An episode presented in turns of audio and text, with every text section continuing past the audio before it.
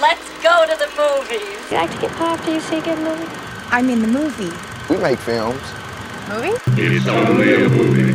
Only a movie. movie.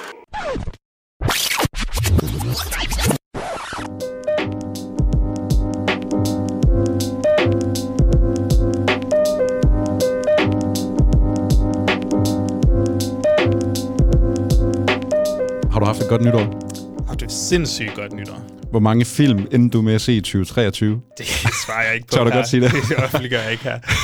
Kan man hoppe Hvorfor ind- ikke? Man kan jo se det på Letterboxd. Ja, kan så man kan man hoppe ind på min letterbox, så, så er det et lille privilegie, man har der. Ja, så har vi plukket uh, Joachim Jelles Hvor mange tv-serier så du Letterboxd. sidste år? Ui, ja, det var det rigtige spørgsmål. Jeg er notorisk bagud på min uh, tv-serie, som altid, men ligesom i anledning af det afsnit, vi skal lave i dag, så har jeg brugt hele min december måned på at sige, fuck alle de der julefilm, jeg har glædet mig til at se. Hvad med, jeg bare binger den mm. ene serie efter den anden? Som er måden, man skal se tv på. Præcis, Du skal se og- alle serier i december måned. Nøjagtigt, og man skal jo se alle serier, før man overhovedet kan bedømme, hvad der er det bedste. Og jeg tror også, øh, som podcaster og en, der ligesom skal holde sig opdateret på, altså som, som filmkritiker, hvis vi skal kalde os det, Damn. som nogen, der holder sig opdateret, så december, det ender jo med at være din travleste måned. Ikke bare på grund af jul og nytår og stress og sådan noget, men fordi nu skal du nå de der end of the year lister, hvor du skal nå at se alt, og så binger du bare derud af, og det er både film og tv-serier. Det er en forfærdelig måned at være filmnørdig. Altså fuldstændig, og også fordi vi havde dig over på, øh, på Gysergutterne, den gyser-podcast, jeg laver, så du havde også det her sådan gyserlandskabet, Ja. skulle du også lige være 100% involveret i. Du skulle vide alt, hvad der kom ud i 2023, fordi der gik vi også igennem, ja, filmåret 2023. Præcis, Så. og, og, bare for at klynke endnu mere, ikke, du ved, så har vi allerede nogle spotlights eller nogle instruktører ude i kalenderen, sådan inden for nær fremtid, så dem har du også allerede i baghovedet, dem er du ved at forberede dig på, ikke? Og vi har det så hårdt, som den her øh, selvvalgte profession i også, Joachim. Kæft, det er godt, vi elsker det. Kæft, det er godt, vi elsker film og serier, ellers kan- har det været det mest tåbelige nogensinde. Jeg kan mærke, at vi skal lige rette op på stemningen her. Det er altså den første episode i 2024. Mit navn er Mikkel Abel, og Joachim Jelle over for mig. Det er altså en movie podcast, man lytter til, hvis man skulle være i tvivl. Og øh, jeg synes lige, vi skal have den gode stemning tilbage, fordi det er jo fantastisk. Vi starter et nyt år, et nyt kalenderår, det vil sige nye film. Men inden vi sådan lige rigtig kan gå i gang med det, så skal vi jo lige kigge tilbage på 2023. Og nu kommer vi dertil, hvor vi kårer. Ja, i dag så skal vi altså lave en top 10 over de bedste serier. Det vil sige, at Joachim har taget sin top 10 serier med, og jeg har selvfølgelig lavet min egen top 10. Og så sammen, så går vi ligesom igennem, jamen, hvad var de bedste tv-serier i 2023? Og næste uge, der kommer vi altså så til at gøre det med film. Sat, satser vi ikke på, at vores lyttere kommer til at stemme om, hvem har den bedste top 10-liste Ja. af os to. og så bliver det sådan en duel nu. skal have sådan nogle ting ud på Instagram, Yes. hvor vi står og bokser mod hinanden. Jeg synes, der skal... Ja, lad os dyrke den dårlige arenaen, det er stemning. anmelder arenaen, vi skal have tilbage. Præcis, den har været sådan lidt lagt på is, og jeg synes bare, at 2024, det skal bare være året med dårlig stemning fra nu af. Altså, præcis. så kommer vi rigtig godt fra start. Joachim, jeg kunne godt lige tænke mig at spørge øh, sådan 2023, ikke? Nu, øh, nu skriver vi 2024, men hvis vi kigger lidt tilbage, altså movie podcast status, der er jo sket sindssygt mange ting. Vi har været ude og præsentere flere film end nogensinde før, og vi er kommet rundt i lidt forskellige biografer. Vi har udgivet, ja, men vel egentlig en episode om ugen, sådan i gennemsnit, ikke? Vi har haft nogle fede gæster og sådan noget. Er der et eller andet, du vil highlighte, nogle ord, der skal sige, om det dejlige 2023, vi har haft sammen? Altså, man kan jo sige alt muligt forskelligt, men jeg, jeg tror, jeg synes, at øh, ja, det har bare været et fantastisk år, hvor vi også har lavet lidt øh, en sådan en revision i, hvad Movie Podcast er. Jeg ved ikke, hvor tydeligt det egentlig er for lytterne, men jeg tror, vi satte os ned her til sommer og, og kiggede meget tydeligt på, hvad vil vi gerne øh, gøre med Movie Podcast. Hvad vil vi bruge vores tid på? Og, og så har vi sørget for at lave flere... Det bliver flere toplister, det bliver flere spotlights på ældre film, og det bliver fra værst til bedst. Jeg tror, værst til bedst formatet, hvor vi både har haft øh, Stine Tejgaard på besøg og snakke om øh, David Fincher, og vi har haft Peter Skyt på besøg for eksempel og snakke om... Øh, hvem var det? Det var Christopher. Night Nolan Shyamalan, og M. Night. øh, ja. Ja, og Bjørn Kjærgaard snakkede om øh, fredag den 13. hele det franchise. Og det, det er nogle formater, som heldigvis også er super populære blandt lytterne, men det er mega fedt at få lov til at få nogle gæster ind, der de behøver ikke at bruge 26 timer, som vi var i gang med på at se, al, altså på at lave øh, et eller andet kæmpe spotlight over fire episoder omkring Martin Scorsese. Vi kan faktisk snakke sådan rimelig ok velfunderet omkring øh, instruktører og skuespillere, Ja. uden at bruge en million timer 100 på det. plus timer Så jeg tror lidt, det er, gået, det er gået op for os, at, øh, at vi kan gøre det på en anden måde, der både til gode ser os, og måske endda også, når vi kigger på lyttertallene, til gode ser publikum i hvert fald. 100 procent. Der er i hvert fald ingen tvivl om, at uh, Movie Podcast-familien, sådan mm. ude blandt lytterne, den er også vokset ekspo... Hvad hedder det ord? Eksponentielt. ja, den er jo uh, vokset her igennem 2023. Der kommer flere og flere lyttere til, og det er jo bare super fedt for os. Så, så kæmpe ros til os i øvrigt. Altså, jeg tror, det har virket. Og jeg kan også se, at, at når folk skriver om det, så, så er de især glade for naturligvis værste bedst og toplisterne og sådan noget, men også de her spotlights, vi laver på gamle film, så det, altså, folk må endelig gerne komme med forslag til, hvilke film vi skal snakke om, og det er jo, vi kan jo gøre det i alle genrer, kan man sige, og vi kan også gøre det med mere moderne film. Det behøver ikke at være French Connection, som vi startede ud med. Præcis. Jeg vil sige, hvis du sidder som lytter derude og var den største fan, den ene fan af vores Bad Movie Club-segment, så må vi desværre nok annoncere, Yes. det er ikke lige et format, vi hiver op igennem forløbet, fordi der er altså andre måder at bruge vores tid øh, bedre det. på. Men du kan jo endelig skrive til moviepodcast hvis du lige synes, ja, vi skal have liv i Bad Movie Club, og du har en god undskyldning Hvad til havde det. du af højdepunkter? Er der et eller andet, du Jeg synes, øh, fra værst til bedst, de har fandme været sjove. Altså, øh, Christopher Nolan, det er nok den episode, jeg husker bedst. Også vores hvad, den anden mest populære afsnit nogensinde. Jeg synes, det var skide sjovt at have Peter inde, og vi kunne ikke blive enige om noget som helst, øh, hvor de der Christopher Nolan-film skulle placeres. Så der, altså, det der rangeringssystem, Også det er så irriterende, men det er så sjovt. Ja. Jamen, det, det, man kan blive, det er så pisse ligegyldigt, sidder jeg og siger, inden vi skal til at lave en top 10 Ja. over bedste serier i år. Ikke? Men det er det der element med, at man får boksehandskerne på, og du bliver nødt til at forsvare, hvorfor er øhm, Inception en lortefilm, som jeg var lidt kægt prøvet at forsvare i den Ja. episode. Ikke? Så, så, så altså, det, det er sgu da sjovt nok. Jeg glæder mig til flere fra værst til bedst. Og så vil jeg også bare sige, ja, Spotlight, det er altså lidt noget andet at bare fokusere på én film, end hey, lad os gennemgå hele den her instruktørs 50-årige karriere med alle film og trivia og alt det her bagved. Nå, Joachim, det var øh, Movie Podcast 2023. Nu skal det jo handle om film næste gang, men øh, i dag, der tager vi os af serierne. Sådan lige lynhurtigt, kan du tage en generel status på året, altså for dig som tv-serie øh, aficionado, og hvordan niveauet sådan generelt har været? Er der nogen streamingtjenester, der har vist sig bedre end andre? Har du, øh, blev du færdig med West Wing nogensinde? Øh, jeg blev færdig med, med, med Sorkin-sæsonen, gjorde jeg. Altså, da han hoppede fra, så hoppede vi også Så fra. du øh, den der Leave the World Behind, hvor hun siger, at øh, den der, der Ja. 12-årige pige, hun har selvfølgelig set de første fire sæsoner af West Altså Wing. Sorkin, Ja. Sorkin-sæsonerne. Ja. Det var meget øh, Ja, men det er også derfor, jeg linje. relaterer meget til den, øh, til den film. Men altså, hvad året 2023 for tv-serier, hvordan har det været? Jamen, det, det er jo sindssygt svært at, at, at egentlig sådan at opsummere og konkludere på en eller anden måde. Jeg synes, når jeg tænker tilbage på det, den umiddelbare følelse er en følelse af ikke nødvendigvis øh, skuffethed, men sådan lidt en undervældende følelse. Der har ikke været de der kæmpe store flagskibe. Der har været enkelte, og der har været nogen, der ligesom skulle afsluttes. Men man tænker på sådan noget kæmpe stort som House of the Dragon for eksempel. Mm. De der kæmpe blockbuster tv-serier, måske endda også prøver at sige, øh, eller prøver at kalde det. Men, men, men ellers så har det været lidt undervældende, men der, det betyder så, at der har været plads til en masse nye, små skud på stammen, en ny slags kreativitet. Der har både været noget animation, og der har været nogle meget sådan konceptuelle tv-serier, der ligesom er dukket frem, eller ja. dukket op. Øh, og det synes jeg er, er spændende, og så har der været lidt skuffelser hister her også. Jamen, og jeg synes, øh, noget, der definerer min liste i hvert fald, det er sådan, når der er de der serier, jeg i forvejen fulgte med i, der er kommet nogle nye sæsoner, og nogen har fået en afslutning, ikke? Og så, ja, hvad var de store blockbusters? Jamen, så kan jeg kun komme tanke nærmest om sådan noget The Last of Us, ikke? Altså i hvert fald af ja, nye præcis. originale produktioner, men så er vi også tilbage i januar sidste år, ikke? Så det er sådan, det ligger bare langt væk lige pludselig.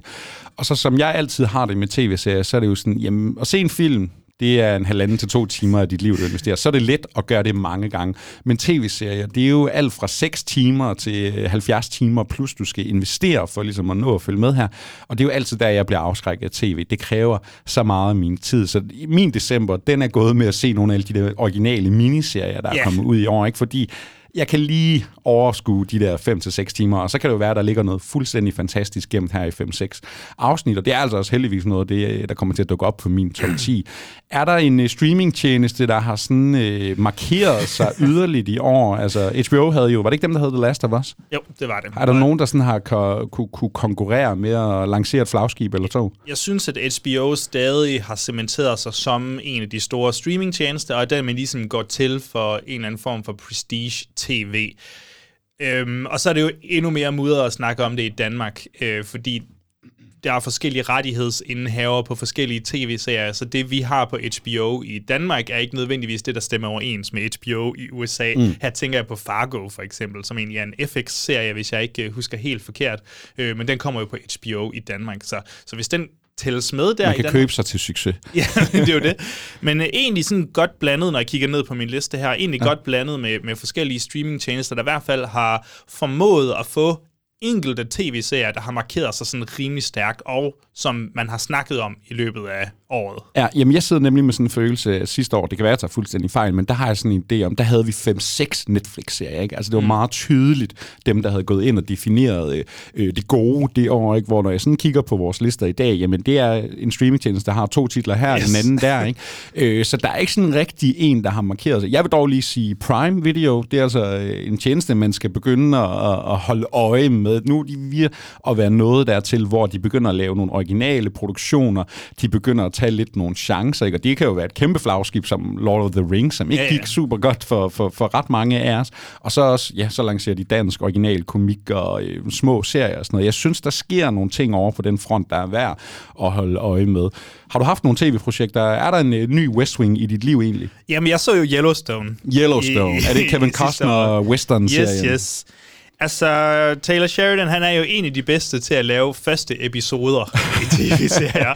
og, og, og første sæsons første episode sætter det hele sådan rimelig godt op, og så er man i gang. Og så, så kan man godt mærke, at han begynder at have så mange projekter. Så, at, så er han ved at lancere fire nye serier. han har jo det største, han, han er jo serielandskabets sådan hersker. Men har, er det sådan et shared universe, han laver for sig selv, eller hvad? Altså, hænger de sammen sådan på nogen, nogle måder? Nogle af dem gør jo. Altså, er der ikke seks spin-off-serier til Yellowstone? Der er, to, der er to-tre Yellowstone-serier, og så er der noget Black Ops, han er i gang med. Man kunne forestille sig, at der kommer mere Black Ops af de her for sådan forskellige... Øh... Ja.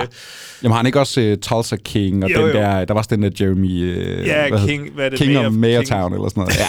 Han, og han lavede jo også fed film engang. Altså, skrev Sicario og Hell or High Water. Jeg kunne ja. godt tænke mig at lave, se ham lave film igen. Han har en meget unik stemme, ja. vil jeg sige, og kan, kan ramme USA på, et rigtig, sådan, på en rigtig spændende måde, men bliver også, det bliver lidt langt i spyttet, vil jeg sige. Har, har Yellowstone været aktuel i 2023, altså med en ny sæson? Eller jeg troede, der ville komme noget. Det var ligesom derfor, vi satte os for, at øh, nu, nu gør vi det. Men så har der jo været Kevin Costner og Fedesen, og der har været problemer med. Han gad jo ikke mere, ah. fordi han vil lave sin egen film, som også kommer i år. øhm, det, I to dele med to måneders mellemrum og sådan noget. For at følge med i Yellowstone, så skal man ind på den der wiki-dedikerede øh, yes, side. Der. der er sådan en fandom wiki, og sådan noget, man virkelig skal følge med i. Den har sin egen lore, den serie. Nå, Nå, var det godt? It was completely fine. Det var, okay. det var super fint. Øh, lidt skuffende nogle gange, og så kan man også blive lidt irriteret over sig, selvom man egentlig synes, at nogle af tingene er ret fedt, fordi de genbruger bare så mange karakter, altså karakterudviklingen er sådan frem og tilbage. Det eneste, tiden. jeg hørte dig sige, det er, at Yellowstone er det nye Star Trek, ikke? Der kommer sådan seks spin-off-serier yes. om året. Gotta keep up with it. Hvad med dig? Har du haft nogle serieprojekter? Øh, TV-serier, de startede for mig december 2023, og så sluttede de den 31. Øh, nej, tv-serier har fyldt meget, meget lidt i mit liv, og jeg vidste jo, jeg har jo vidst hele året, at vi skulle lave den her episode, men jeg valgte så først rigtigt at begynde min research sådan i december, mm. så nej, jeg har dedikeret mig til... Ja, præcis, så skal jeg ikke lave så meget research i løbet af året. Øh, 2023, det har været et filmår for mig, men jeg skal da være den første til at sige, jeg gjorde mig nogle fund, jeg fik brugt min tid fornuftigt, men det er også det, der er med tv-serier, der er så forbandet meget af det. Så når vi laver sådan en liste her, og man skal lave det der sådan lidt, kan jeg lige nå at finde en serie eller to, hvor skal man overhovedet starte henne? Det der, kan jeg lige nå at binge den her 8 timers serie over weekenden, og så ikke se min familie til jul? Jo, det kunne jeg da godt overveje. Ja, og også den der, er den god nok til, den er tiden værd, fordi der ligger måske tre serier over på den anden side, der var mere tiden værd. Det må vi finde ud af. Nu skal vi altså kaste os ud i det. Og øh, lige øh, for at tage reglerne. Øh, vi har lavet en øh, top 10 hver, og det er faktisk den, vi kommer til at gå igennem. Så det vil sige, at vi laver ikke sådan en samlet top 10. Men hvis nu jeg har lad os sige, øh, Yellowstone på min tredje plads, og Joachim, han synes ikke, den var mere god, end den kunne få en syvende plads, jamen så kommer vi til at snakke om den, når vi rammer den her tredje plads. Så det er ligesom den, der har en vis serie højst yeah. rangeret, det er der, vi kommer til at tage os af den. Så hvis vi lige pludselig siger, at den gemmer vi lige, jamen så er det, fordi den kommer senere. Ja, det, det lyder meget godt. Lad os uh, kaste os ud i det, vi smider en trailer på, og så får I altså årets top 10 bedste serier. Let December's light brighten a path to the men I seek. guide my steps until I find them and kill them.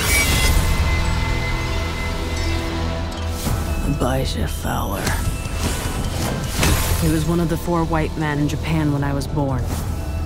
One of them took my mother and made me A monster. You have murder in your eyes. He deserves to die. The samurai. I saw its eyes. It's not human. I want to know everything there is to know about your demon. He'll come. He'll stand right here. And he will open your throat. Vi starter naturligvis ud på en 10. plads, og Joachim, din serie, som du har på din 10. plads, den kommer jo faktisk til at dukke op på et senere tidspunkt, mm. så øh, den glemmer vi, og så giver jeg jo bare mig selv muligheden for at få lov til at ligge ud, fordi på min 10. plads, der har jeg taget en uh, animationsserie, der hedder Blue Eye Samurai. Den har du set? Jeg har fået den set, ja. Er rigtig spændende. Jeg tror, du, du kan få lov til at lave the case for, at jeg begynder at svine den til, fordi jeg havde den så meget. Jamen kom den ikke også nærmest i december, eller sådan noget, november måske? Jo, den kom her der. sidst i 2023 i hvert fald. En serie skabt af Amber Nusumi og Michael Green. Det er nogen, der har nogle tidligere øh, animationserfaringer. Og ja, Blue Eye Samurai, hvad handler den om?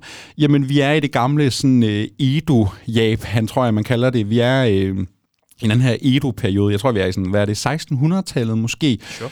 Der er politiske konflikter over alt. Øh, Japan er et fuldstændig lukket land. Der er ikke øh, nogen, der ligesom må komme ind, og alt, hvad der kommer ud, det er, sidder der nogle regenter og styrer med meget hård hånd.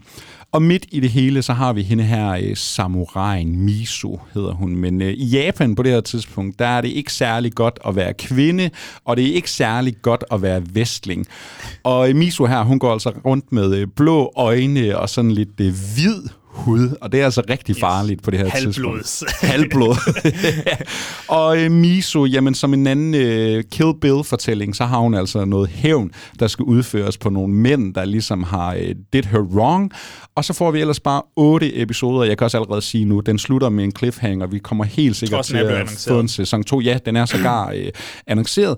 Og så har den den her lidt sjove animationsstil. Det er ikke, fordi det er rotoscoping, men det har sådan en 3D-udtryk. Jeg ved sgu ikke engang, hvad ordene er til at udtrykke det. Nej, jeg har heller ikke helt uh, læst op på det. Det, jeg ved, det er, at de har haft decideret stuntmænd og sådan noget til at... De har filmet stuntmænd, uh, når de skulle koreografere forskellige uh, actionsekvenser og sådan noget. Så de har brugt noget live action, uh, men det er virkelig, virkelig en teknik, der kræver, eller i hvert fald sådan opfordrer til, at man lige dykker ned i, hvordan fanden har de gjort det her, for det ser virkelig fantastisk ud, især når actionscenen Præcis, det er meget meget filmisk, det er meget sådan, ja, lidt uncanny nogle gange, ikke? fordi vi kommer lidt over den der sådan live-action feeling og meget sådan markerede ansigter. Øh, en stil, jeg faktisk lige skulle tune mig ind på i starten. Jeg havde hørt det rigtig meget godt om den her, så jeg var selvfølgelig nødt til at tjekke det ud nu, når vi skulle til at lave sådan en liste her og øh, ender med at blive rimelig fascineret af, fordi også bare den her tidsperiode, altså sådan noget gammel Japan med øh, de her shoguns, og øh, der kommer også nogle vestlinge ind. Der er også noget omkring sådan industri og teknik, ikke? altså pistolerne fra London, der bliver ført til mm. landet her, ikke? og de her sådan øh, globale konflikter, der opstår mellem Vesten og Østens kultur, og hvordan de ligesom påvirker hinanden. Og så har vi nogle forskellige persondramaer. Vi møder jo Miso, vi møder også, hun får en assistent, Ringo, en stor, tyk fyr uden, øh, hænder.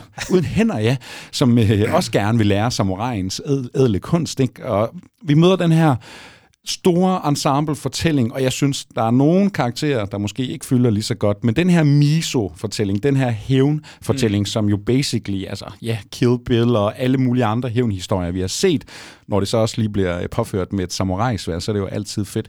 Jeg endte med at blive ret betaget af det her. Altså, den, den er også virkelig god, og den, den ligger lige og rumsterer der på, øh, 11. 12. pladsen ved mig, tror jeg. der var lige et eller andet, der gjorde, at, øh, at den ikke hang ved på samme måde som nogle af de andre serier her. Jeg tror også, jeg synes, at stemmeskuespillet er dårligt, er sådan decideret dårligt øh, ved nogle af de her sidekarakterer. Men som du siger, hovedhistorien er fænomenal. Mm.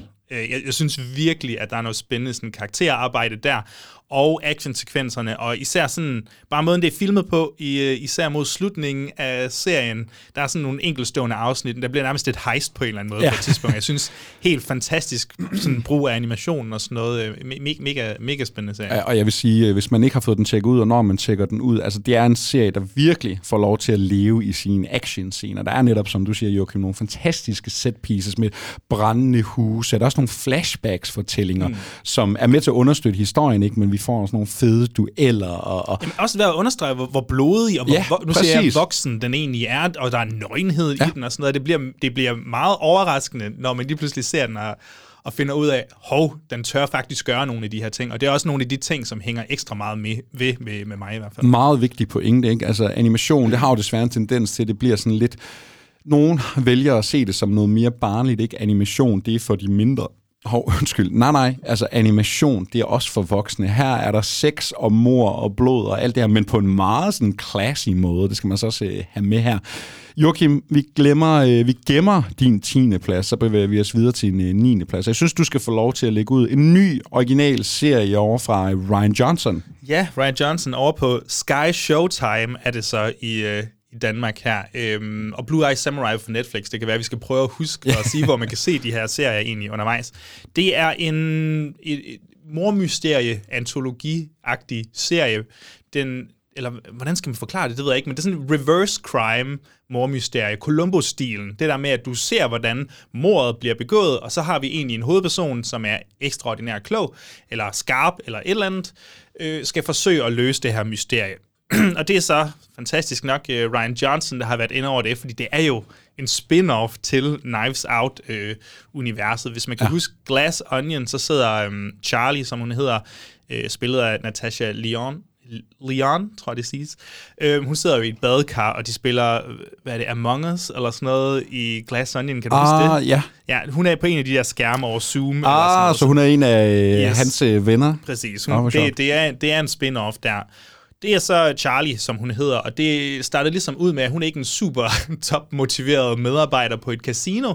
Hun er, lever lidt sit liv sådan som en drifter-type, eller der skal ikke ske alt for meget. Hun er lidt doven en gang imellem. Hun har så bare den her ekstraordinære evne til at øh, sådan kunne se på dit ansigt, og når du siger noget, så ved hun, om du lyver. Så hun siger hele tiden, bullshit, hvis, du, hvis folk lyver. Det er bare sådan en, en vane, hun har. Bullshit, det er løgn, det der. Nå, øh, en dag på det her casino, så hendes øh, bedste veninde, hun øh, øh, bliver slået ihjel. Og så kan vi ligesom se, at nå, nu bliver Charlie involveret i et morkomplot, og det gør, at hun i løbet af de her 10 afsnit er nødt til at flygte. Så egentlig så bliver det en lang roadtrip øh, på tværs af sydstats USA nærmest. Og hvor, så med nye mysterier. Præcis. Hver gang hun kommer til et nyt sted, øh, så er der et nyt mormysterie, og det er nye forfattere inde på hver eneste afsnit, med ligesom Ryan Johnson som den røde tråd, ja. der ligesom prøver at holde snor i det hele. Og det bliver super innovativt, super spændende. Mange fantastiske sådan, karakterportrætter, men endnu vigtigere skuespillere. Jeg forestiller mig mange, en masse stjerner og cameos. Ja, men mange af de der, som, som som måske ikke er topstjerner nu til dags, men som er lige under overfladen, øh, eller i hvert fald nogen, som man har, har set på film i gamle dage, ja. som Ryan Johnson og slænget hiver ind, fordi vi ved, de kan finde ud af at spille skuespil, og de kan levere den her fantastiske, unikke røvhulskarakter. øhm, og så er der mange små twists og turns undervejs i selve mormysterierne. Jeg synes, det er det, det er jo underholdende hele vejen igennem. Det er ikke alle afsnitten, der er lige stærke, øh, men der er mange, altså så er der nogle af dem, der handler om øh, en special effect mager i, i Hollywood. Øh, og det bliver det, det, det her sådan praktiske effekter og hyldes til filmkunsten og så bliver, bliver øhm, involveret i selve øh, mormysteriet. Sådan. Det, det er ret fedt. Der er mange sådan gode enkeltstående afsnit. Og man sidder stadigvæk og gætter med, selvom det er sådan lidt en reverse whodunit, altså fordi du ser mordet først, men der er jo stadigvæk en, øh, en opklaring, der ja, skal der er en opklaring, så, så du gætter med i, hvordan er mordet blevet begået, eller hvordan kommer hun nu til at opklare det. Og så er der nogle små ledetråde, og så er der nogle store twists and turns undervejs. Hvad med Natasha Lyon? Hun er jo sjov, ikke? fordi hun har fået et kæmpe sådan, en ny renaissance for sig selv, ikke over de sidste par år. Hun havde også den der, øh, hvad hedder den? Russian Doll, Doll. Russian Doll over på Netflix, ja, også, øh, hvor hun er sådan noget multiverse, eller i hvert fald en, øh, en serie, der arbejder i tid, ikke? men gik fra at være sådan en nuller, lidt wacky, yeah. lidt kultagtig type, og så tror jeg, hun personligt fik en masse stoffer ind på livet, og også, ja. nu er hun virkelig blevet en kult personlighed igen. Altså folk, de elsker jo den her kvinde, det gør jeg så sandelig også. Jeg synes altid, hun er skide sjov. Hun, hun er rigtig fin i den her. De skal lige passe på, jeg formoder, der kommer en ny sæson, øh, de skal lige passe på, hun ikke bliver for meget den samme undervejs, fordi ja. det er jo Columbus øh, karakteren i den forstand, at som, så meget karakterudvikling er der jo heller ikke, når de hver eneste afsnit bruger så meget tid på at introducere det nye mysterie, introducere de nye mordere og, og ofre, så mister man unægteligt en lille bitte smule ved hende. Men jeg synes egentlig, der er ret god progression, og jeg synes, de to sidste afsnit sindssygt gode. Fedt. Så kan man jo også glæde sig til Knives Out 3, hvis det lyder til, at yeah. Ryan Johnson stadig ikke har den. Den kunne man se på Sky Showtime.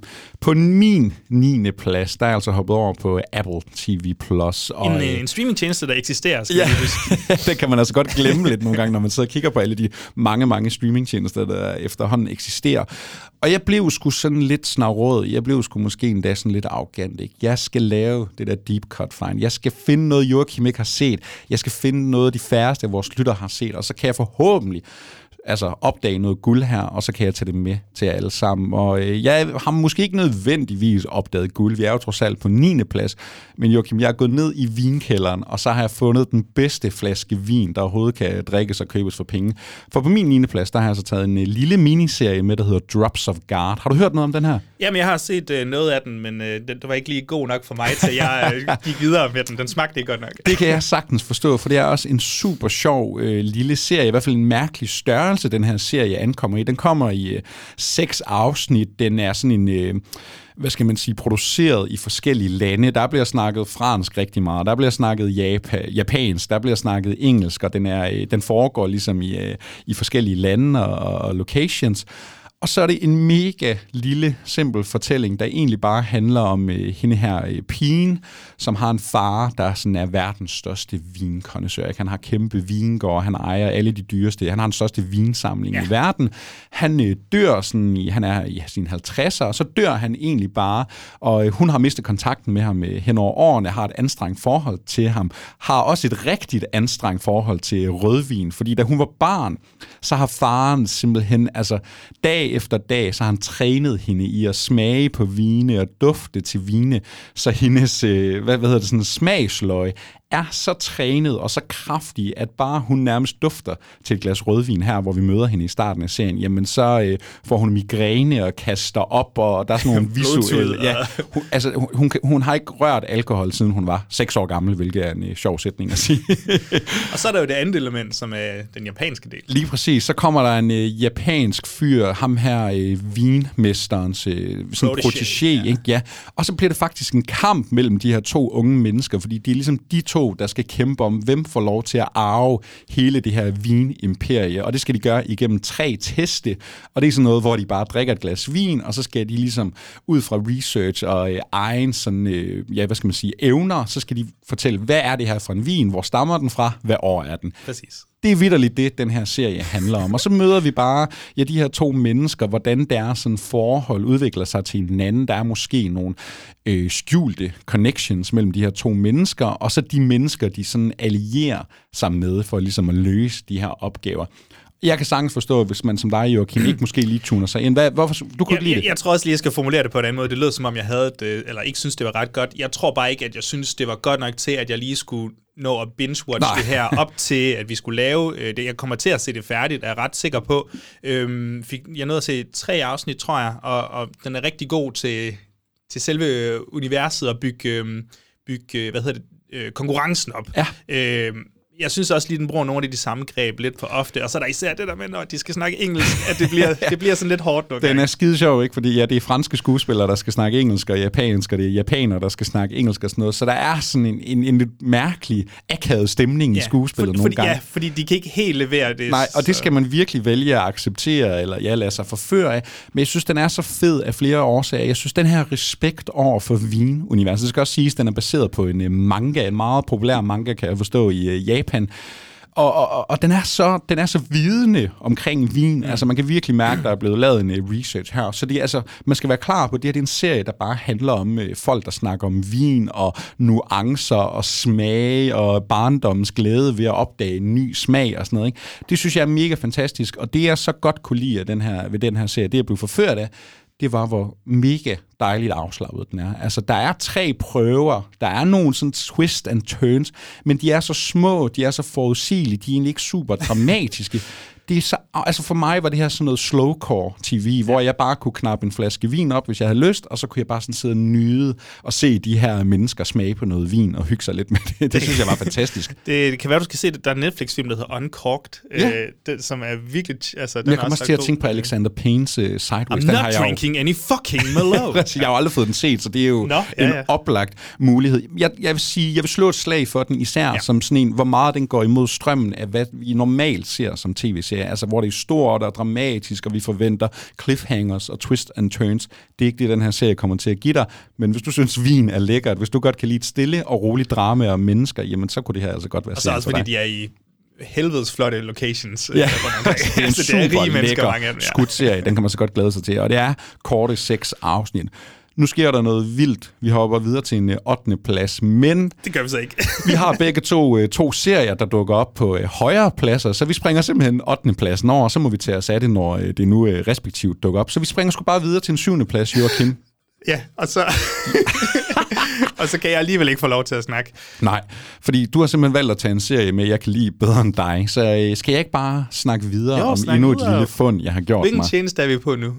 Øh, nu må den jo ikke sige, man må faktisk ikke sige Amazon Prime Video. Det har de frabedt, så man skal kalde det Prime Video fra nu af. Så det skal jeg altså lige huske alle sammen. Over på Prime Video. Altså, overhør, altså, overhører de os, og så fik, aflytter de os, og så... Nej, men jeg fik en pressemeddelelse. Vi skal frabede, I kalder os uh, Amazon Prime Video. Altså ikke specifikt rettet mod os her på Movie Podcast, men bare sjovt. sådan generelt til den danske presse. Det synes jeg var lidt uh, sjovt. Så nu er det altså Prime Video, Prime vi snakker Video. om.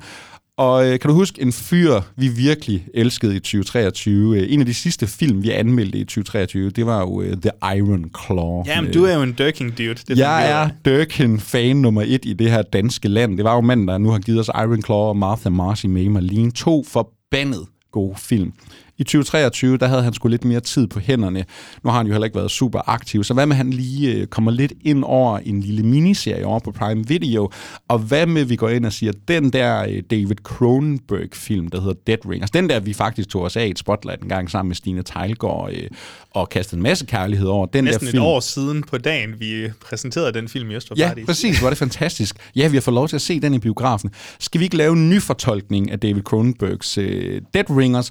Og så, øh, som alle jo gør det nu om dagen, når man skal genopfinde øh, den dybe tallerken, ja, så laver vi gender swap. Så nu er det altså øh, brødrene Mandel Twins, der før i tiden blev øh, spillet af, ja, eller tvillingerne Mandel, som blev spillet af Jeremy Irons i øh, David Cronenbergs film. Nu får den dejlige Rachel Weisz altså lov til at give den gas her.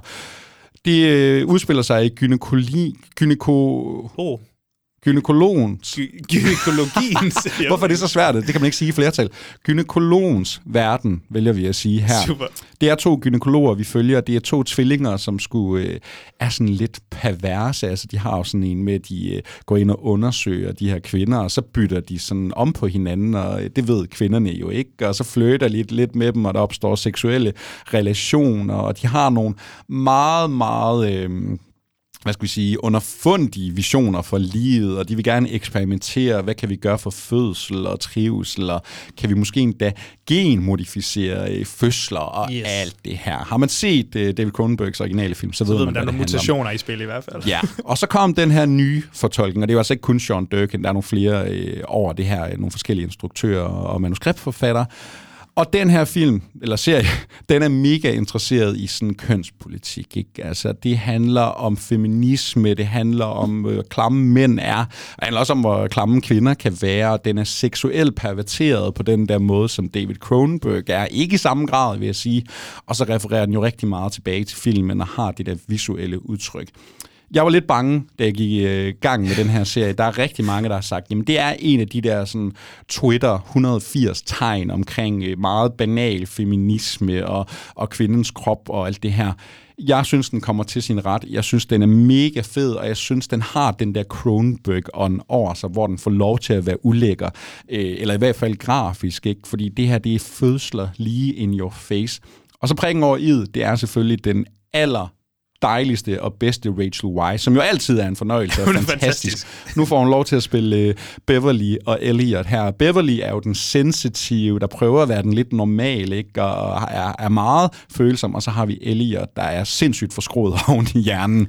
Og den her kamp mellem de to, den måde, hun formår at portrættere to forskellige mennesker, som er så meget ens, ikke? jeg synes, det er fuldstændig genial, hvad hun laver her. Hun er så led, hun er så skrupelløs, hun er så øh, vild, og, og det er bare Rachel Weisz, der har sagt, jeg kommer ind, og så giver jeg den så fucking meget gas, at I ikke fatter det. Hvor slibrig er den?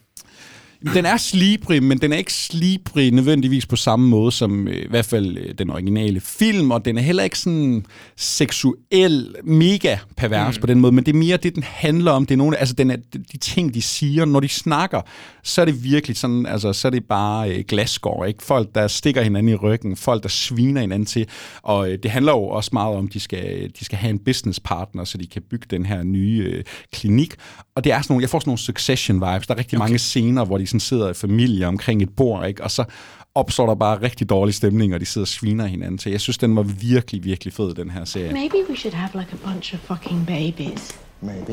Mm, really get some propagation from these loins. So, uh, did you guys catch a show while you were in town or anything? We fill a house with anxious overachieving children, raise a fucking army. Oh my god. What? Hello. No, no, no. What? Elliot. So you can shut the fuck up. Okay, Elliot. Oh, man. Elliot, is it only real when you do it? Is it only incandescent and real and good when you do it, Genevieve? I'm not doing this. Hey, Genevieve. look. Not everything I do is about you and fucking you. Elliot, please. You know you're only together because of me. Elliot. What? I think this is going to be great for us. What does that mean? Excuse me, Joseph. No, what does she mean? One twin and a TV star, one twin and a handsome politician. None of this is bad, you know? When do you leave, Joseph? no, seriously, when do you fuck off? Jesus Christ. The birthing center's open. Thank you so much. You're the human equivalent of fucking herpes. Beverly. Oh. No, okay. we'll fucking douche you out. Oh my god. Should we just have some cake? That sounds Well, fantastic. Thank you so much. Elliot, for what that. did you mean? We're only together because of her? I made two. The Congratulations. opportunity Elliot. of a lifetime for a Elliot. little piece of history. Elliot. Good luck, everybody. I think Yeah, we should bye, Elliot, leave this. Leave what? Fuck you all so much. Vi er kommet til en sjette plads, og nu kaster jeg altså spotlyset over på dig, Joachim. Du har taget en serie med, en tredje sæson af en serie, som, ja, jeg har ikke set et eneste afsnit af den. Jeg tror også måske, den er gået lidt under radaren i Danmark generelt. Reservation Dog, det er altså noget, du har fået set. Virkelig sjovt, du siger det, for jeg har også lige i mine forberedte noter her skrevet en, en serie, der nærmest har været usynlig for os, selvom vi alligevel har her på Movie Podcast anmeldt ok mange serier igennem de sådan sidste to-tre år. Øhm, men jeg, jeg kunne se, jeg, jeg prøvede også at lave lidt catch-up. Nogle gange så er det også vigtigt at prøve at tage de serier, der så bliver afsluttet, fordi ellers så når du aldrig at få den at se. Nej, præcis. Og så med Reservation Dogs skulle jeg bare se, at folk blev ved med at, at, at skrive, at det er simpelthen en af de mest rørende, mest emotionelle og, og bedst sådan fortalte menneskelige tv-serier i år. Og måske endda nogensinde. Jeg tænkte, okay, stærke ord, det må jeg prøve lige at begive mig ud i. Og det gjorde jeg så. Jeg havde set først, jeg havde set halvdelen af første sæson, da det kom ud dengang, øh, sammen med min kæreste, men vi, du ved, så kommer der alt muligt andet. Så er der de næste seks så er der West dagen Wing. efter. så er der West Wing, og hvad gør man så? Yellowstone, baby. Yellowstone, baby. Øhm, og så får jeg lige binget det her op til denne dejlige episode, og finder også bare ud af, jamen det er jo, det er jo helt fantastisk. Jeg kan se, at afsnittet var 30 minutter, så Lige hjælper det præcis. altså også. der er lidt forskel i det nogle gange, Okay. men, øhm, og det handler jo egentlig bare om, altså igennem de her tre sæsoner, så følger vi den her gruppe indfødte amerikanere, jeg ved ikke helt, hvad vi siger på dansk, Native Americans, i deres reservat, de forsøger at leve deres liv, hvor de på den ene side ligesom skal jonglere personlige drømme og mål, og på den anden side skal de ligesom stå på mål for alt det, som samfundet, øh, det amerikanske samfund især, har gjort ved dem og udsat dem for, og det betyder jo, at at i det her reservat, så er de jo utrolig fattige. De har de her store drømme, som de nærmest aldrig kommer til at kunne opnå, og så lider de jo under en masse sådan alkoholisme og stofmisbrug, og faktisk så følger man de her fire venner, øh, hvor der egentlig var en indledningsvis øh, fem venner, men den, den ene person er så gået bort øh, og så død. Og det er så noget, de ligesom de indledningssæsoner sådan rigtig takle, sådan prøver at takle. Men nu er det jo tredje sæson, jeg har taget med her. Det er lidt snyd, hvis jeg sidder og anmelder, eller ligesom vurderer hele serien. Jeg vil sige, at tredje sæson er lidt anderledes fra de to foregående. Den er ikke lige så gennemgående god, hvis man kan sige det sådan. Der er ikke, men fordi den prøver at brede det ud, den prøver at gøre det mere generationelt nu. Så alle de her voksne og forældre og onkler og, og øhm, mostre og fastre, alle, det, alle dem, der nu er på det her reservat, de bliver inkluderet, så det bliver en lidt større sådan, familie og faktisk historiefortælling. Og der kom, den har nogle af de bedste enkelstående afsnit fra øh, hele serieåret. Ja. Den har to afsnit, jeg synes, der, der springer ud. Det ene er Dazed and Confused afsnittet, hvor det bare er de her Native Americans, der har den, den sidste fest inden sommeren eller sådan noget. Øhm, og der er masser af stoffer, og der er masser af musik, og de hænger bare ud. Det er så hyggeligt at se det tilbage i 70'erne. Og så er det andet afsnit, der hvor Øhm, der er en person, der ligesom skal øh, møde et øh, familiemedlem, de ikke vidste, de havde.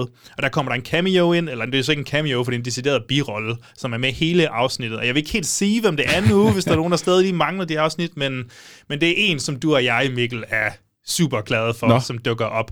Fantastisk. Altså, hvad, hvad kan det dog være? Hvad sagde du? ja, hvad kan det dog være? Jeg bliver ja, helt vi kan snakke om det off mic, for ja, jeg vil ikke lige spolere. Jeg, blev i hvert fald, jeg fik et kæmpestort smil, da jeg hørte den øh, stemme. Og så har, har du overhovedet nævnt, hvem der står bag det her? Øh, det har jeg ikke, men men det er også fordi, at folk tror, at det er en person, der står mere bag det, end det ja, egentlig er. men det er jo der, hvor det er sjovt, at den så er gået så meget under radaren, ikke? fordi vi har jo at gøre med et navn, hvor man tænker, at de er sådan noget folk, de hopper ind på og siger, at det skal vi have tjekket ud. Og det ud, tror jeg, det folk gjorde i første sæson, da de så, at Tiger Waititi, han, øh, han producerede det her, men egentlig så er det jo, øh, og jeg har skrevet navnet ind her, Sterling Harjo, Harjo, jeg ved ikke, hvordan man siger det, det kan være helt ærligt øh, at sige med det samme her, men det er jo egentlig ham, der er sådan øh, primus motor på selve øhm, serien. Og det er også, den har et meget specielt Native American touch, og, og, og, det lyder, det kan være, det lyder som en fordom, eller som en, en lille vesterling her, der, der, der prøver at beskrive, hvad det er, men der er en så rolig og så afslappet tempo mm. i den her tv-serie. Det er virkelig hangout tv-serien over dem alle.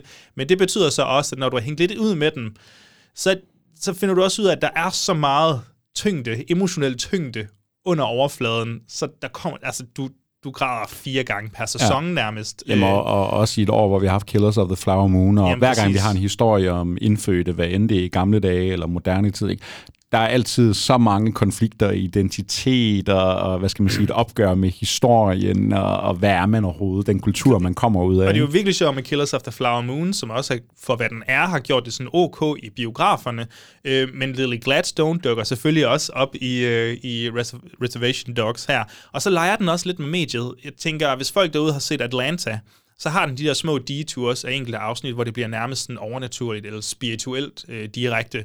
Og der er noget sådan spirituelt i Native Americans sådan, kultur og historie, så, så det leger den også med. Det, det er en utrolig godt blink, blik ind i en anden kultur. Hvor, hvor kunne man se den her serie? Og så på, i Danmark, så er det på Disney+. Plus. Disney+. Plus. Og der er tre sæsoner, den er afsluttet? Den er afsluttet nu, og det er 30 minutter per, så det er bare gå binge Det er jo en serie, der er lavet til mig, når den var 30 minutter. Det glæder jeg mig meget til at komme i gang med.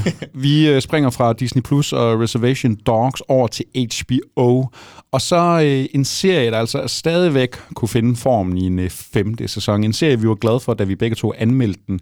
På min sjette plads, og det skal siges, du havde den jo op på din syvende plads. Derfor tager vi os først af den nu femte sæson af Fargo. Fuck, det bliver bare ved med at være godt. Hvad det dejligt, altså. Det er så fantastisk. Altså, til trods for, at på optagende tidspunkt, serien ikke slut endnu. Nej. For mig er den bare så god, at den kan få lov til at komme ind på listen alligevel. Og, jeg, og hver eneste afsnit, jeg sidder og glæder mig, så glæder mig til hver eneste onsdag, Præcis. hvor Noah Hawley, han får lov til at på bedste vis kanalisere hans Coen-brødrene energi, hvor vi har nogle mærkværdige karakterer, der ender ud i lortige situationer, men samtidig har du også nogle fantastiske, stærke karakterer, der virkelig bare kan svinde hinanden til. Jeg tror, du nævnte med Dead Ringers, at det er glasgård hver eneste replik nærmest.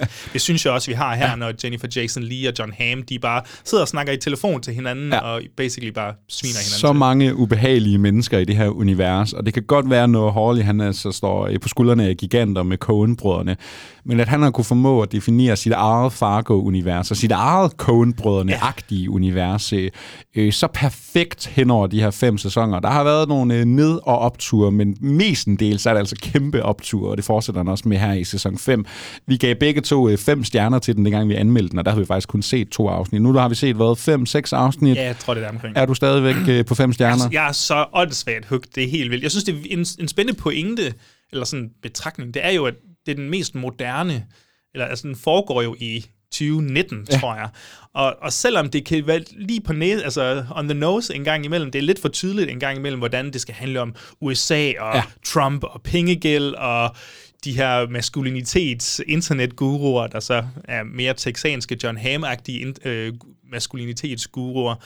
Jeg synes bare, det, det fungerer, selvom det er så åndssvagt tydeligt, og det spider bare det der amerikanske samfund på perfekt vis. Ja, og noget jeg bliver så glad her øh, på, for, ja, noget jeg bliver rigtig glad for, det er, at øh, på alle de titler, vi har på vores liste her, der er det jo den længst kørende serie, altså sådan sæsonmæssigt, ikke? En femte sæson. Vi får jo ikke sådan super mange af de der serier mere, hvor de bare bliver ved med at køre der ud af. At Fargo, den stadigvæk kan Det er derfor, du skal på Yellowstone. Jamen, præcis. at Fargo stadigvæk lever i bedste velgående i sæson 5, og fordi det er en antologiformat, så kan der jo snilt komme øh, 20 sæsoner mere, hvis der er ligesom Det er det. juice nok til det. Fargo, sæson 5 her på en 6. og Joachims øh, 7. plads. Man skal altså bare ombord, hvis man ikke allerede er det. Vi øh, springer videre. Og på en femte plads, så sker der det igen, at Joachim han har taget en øh, serie med, som øh, jeg synes er meget bedre, end Jeg han var synes. lige på. Øh, jeg må ikke sige noget som Nej, helst. præcis. Du har taget så mange dårlige spillet af dig, beslutninger. altså. Alt, hvad du kan lide, det kan jeg lide bedre end dig. Men nu får du altså lov til at få din uh, 10. plads i spil, så jeg synes jo egentlig bare, at du skal have lov til at lægge ud, fordi Joachims 10. plads, min egen 5. plads, så der er altså noget af et skæld her i, hvor godt vi kan lide det. Huset, den eneste danske serie, vi har med i år. Ja, øh, dansk tv er nok ikke lige den bar, jeg sådan frekventerer allermest, kan jeg sige. Øh, fordi jeg har lidt følelsen af, når man skal ramme så bredt et publikum, så kan det godt være, at der bliver skåret lidt i nuancerne en gang imellem, og, og den har ikke det samme. De har, det er meget stereotypisk, jeg siger det her, fordi jeg har ikke, jeg har ikke set de her serier. Men jeg havde indtrykket af, at det, det, det bliver ikke så skarpt, som man Det kunne er have håbet dansk, på. og derfor er jeg ude. Yes, og derfor er jeg ude, og måden folk snakker på, og åha. Og så er det jo bare fantastisk, at sådan noget som huset kan komme ind, og, øhm, og virkelig bare, for mig i hvert fald, vise noget nyt. Det er råt, det er realistisk, det er barskt, ja. det er mega ondt, og det er filmet visuelt på en måde, som passer til de her onde, mørke toner. Det ser så gritty ud, og jeg, jeg er ikke sikker, men jeg tror, det er skudt på film, eller så har de haft noget rigtig god øh, postproduktion, ja. der får det til at virke som om, at det er grynet, og der er nogle dejlige sådan, mørke farver. og Jamen også skudt på location, ikke? Altså Mm. i nogle nedlagte fængsler, men også, sikkert også i nogle lukkede afdelinger. Og det er jo også sådan en serie, hvor hvis man kigger på de her navne, der ligesom står bag, ja, så giver det super god mening, ikke? Men en serie, hvor vi kommer ind i fængslets verden, det er jo en serie, der i hvert fald været måske 90% af tiden udspiller sig inden for fængslets mure. Og det betyder jo også, at mange af de skuespillere, der er med, mange af de her indsatte, jamen det er jo Præcis. øh, tidligere indsatte eller nuværende indsatte, som får lov til at øh, Altså, det er bare en, en serie med gode ansigter, har jeg lyst til at sige. Der, der er virkelig mange fede karakterer og fede ansigter, vi ikke normalt ser på dansk film og dansk Ja, hvis vi skulle have den med i vores spotlighter, hvor vi laver de her kategorier, vi kårer de bedste navne, så siger jeg bare lige Hulken, Panik, Panik, ja, ja. og alle de andre fede. Jeg synes, det er en øh, super, jeg synes, det er en super god serie, det Det er her. Værd lige at nævne, hvad den handler om, bare meget Ja. ja. kort. Altså, den, han- den foregår jo på fængslet, huset, som det hedder, og der følger vi både de indsatte, såvel som fængselsbetjenterne, og vi finder jo meget hurtigt ud af, at øh, det liv, begge instanser har, er meget kompliceret og indviklet, og det bliver bundet sammen. Så hvem er egentlig øh, de ja. indsatte, og hvem er betjenterne? præcis, Hvem kan du styrer være- showet? Hvem styrer huset? Og kan du være i fængsel i dit eget hjem, når du træder ud fra det her fængsel? Der er mange personlige problemer i spil her. Det er øh, ham her, den nye betjent, Sami, der ligesom kommer ind. Og det er sådan ham, vi primært følger, ikke? Og så de mennesker omkring ham. Han er en, han vil gerne ind og markere sig. Han vil gerne gøre det ordentligt i et meget beskidt hus, ikke? Altså, der er noget korruption her. Der er nogen, der skal ind under opsyn og ligesom sørge for, at alt spiller her, fordi øh, fængslet er troet af noget nedlukning. Så er man nødt til at gøre tingene efter bogen, men det er rigtig svært, Det er når øh, rigtig der svært, er og konstant måske bliver han endda nødt til at justere lidt sin moralske kompas. Jeg vil så også sige, at øh, grunden til, at den ligger på 10. pladsen for mig, det er, at, at mod slutningen, så bliver den lidt for DR, lidt for tydelig omkring, øh, vi har nogle karakterer, der nærmest kigger ind i kameraet og siger, at øh, bandekriminalitet ikke er godt, men politikerne skal gøre det her. Og, og så kan jeg uh, så mister Ja. den lidt af den der skarphed, som jeg egentlig synes, den har 90% af tiden. Men, men så vil jeg jo så s- argumentere for, hvorfor jeg vælger at smide helt op på en femte plads. Fordi jeg synes, det var så fedt, at nu får vi en af de der DR søndagsserier, hvor vi har haft Arven og Borgen og hvad hedder de alle sammen, den med præsterne og sådan noget. Ikke? Altså, de, de, jeg, jeg synes, jeg stået, jeg sprunget rigtig mange af dem over, fordi, og det kan være, at det er bare mig, der helt fejlagtigt tager fejl. Det er det helt sikkert. Det er stor chance for. Men jeg har haft sådan en følelse af, åh, det er meget det samme, I kører i, eller så er det Nordic Noir og sådan noget. Nu kommer der en fængselsserie, det er noget genre-tonet. Øh, Vi har Michael Nord, en, en fyr, jeg virkelig, virkelig godt kan lide. Vi har en Frederik Louis øh, Hvid. Han stod blandt andet bag ja. ja. Shorta, ja, og så Kim Fubs Åkersen. Han har vel skrevet alle manuskripter i ja, Danmark, det tror jeg også. Jeg var inde og tjekke, og, og det jeg kunne finde frem til, det var, at det var alle. Ja. Det var alle manuskripterne. Og så øh, skal det også siges, at der er nogle solide skuespillere ombord her. Ikke? Altså Sofie Gråbøl, David Densik, øh, Charlotte Fick og, og ham er Yusuf Wayne Whitfeldt, som jeg synes virkelig rammer Sami-karakteren godt. En fyr, der Ja, kæmper med god, noget OCD. Og så alle de her indsatte, som du siger, ikke bare nogle mega Faces. fede ansigter. Jeg synes, den var super intens. Jeg synes, den har nogle fede karakterplots, fordi det er også en af de der serier, ja, jeg kan sagtens følge dig, når du siger, at det bliver lidt for at kigge ind i kameraet og sige det ikke, men jeg synes også, den er rimelig god til sådan at være underspillet og ikke udpensle det for meget. Nu sagde jeg noget med Sami og OCD. Det er jo ikke sådan, den bruger det super aktivt, men den giver os nogle Ja, ja, små indblik i hans verden. Det er klart, der den er bedst. Præcis. Øh, det synes jeg spiller super godt, og så synes jeg bare, det var så fedt. Yes, en DR-serie, der tør give slag, slag for sig. En jeg ser der tør at bruge nogle genrekoder. Og så er det jo Michael Nord, ikke? Altså, så det betyder, at vi får de der helt tætte skud op i ansigtet, de der over skulderen, hvor vi følger, og man sidder med den der følelse af, fordi vi er inde i det her korrupte fængsel, ikke? Fuck man, lige om lidt, så går det amok. Lige om lidt, så falder brændet. Lige om lidt, så er der en eller anden, der bliver fucking stukket ned. Jeg synes, det var enormt intens, og jeg elskede, at jeg kunne sidde og glæde mig til hver søndag, ja. når det nye afsnit skulle komme. Men det er det der element med, at, at måden det er filmet på, gør også, at når vi så følger fængselsbetjenterne, så er vi jo, vi er jo så tæt på, og vi finder ud af, at barrieren mellem de indsatte og fængselsbetjenterne er jo ikke eksisterende. Så i, som du siger, lige om lidt kan det gå fuldstændig galt. Og det synes jeg, den har især nogle gode sådan, øh, lange indstillinger, hvor vi følger karaktererne som tracking-skud og sådan noget med Steadicam. Jeg synes, sindssygt godt filmet også i hvert fald. Den eneste danske serie, vi får i øh, dagens episode, og du kan se den inde på øh, DR TV. Vi gemmer din femteplads lidt, Joachim. Den dukker altså op senere, så vi springer ned på en fjerde plads. Og øh, begge serier, vi skal til at snakke om, den kan man faktisk øh, finde over på HBO Max. Jeg synes, Joachim, øh, vi kan starte med øh, din, som du har taget Yes. med her på din fjerde plads. Jeg flyver rundt i mit dokument. det er også, jeg ved ikke, hvorfor jeg gør det så svært for os selv. Du har taget en sæson 4 med, og det passer jo til en øh, fjerde plads. Barry, han er tilbage. det, jeg synes, det er vildt nu at sidde og tænke på, hvad det her var for en serie, dengang den startede, og nu er den simpelthen blevet afsluttet her, hvad det er, 4, 5, 6 år senere, eller nu, der har været en masse øh, pauser på grund af corona og whatever.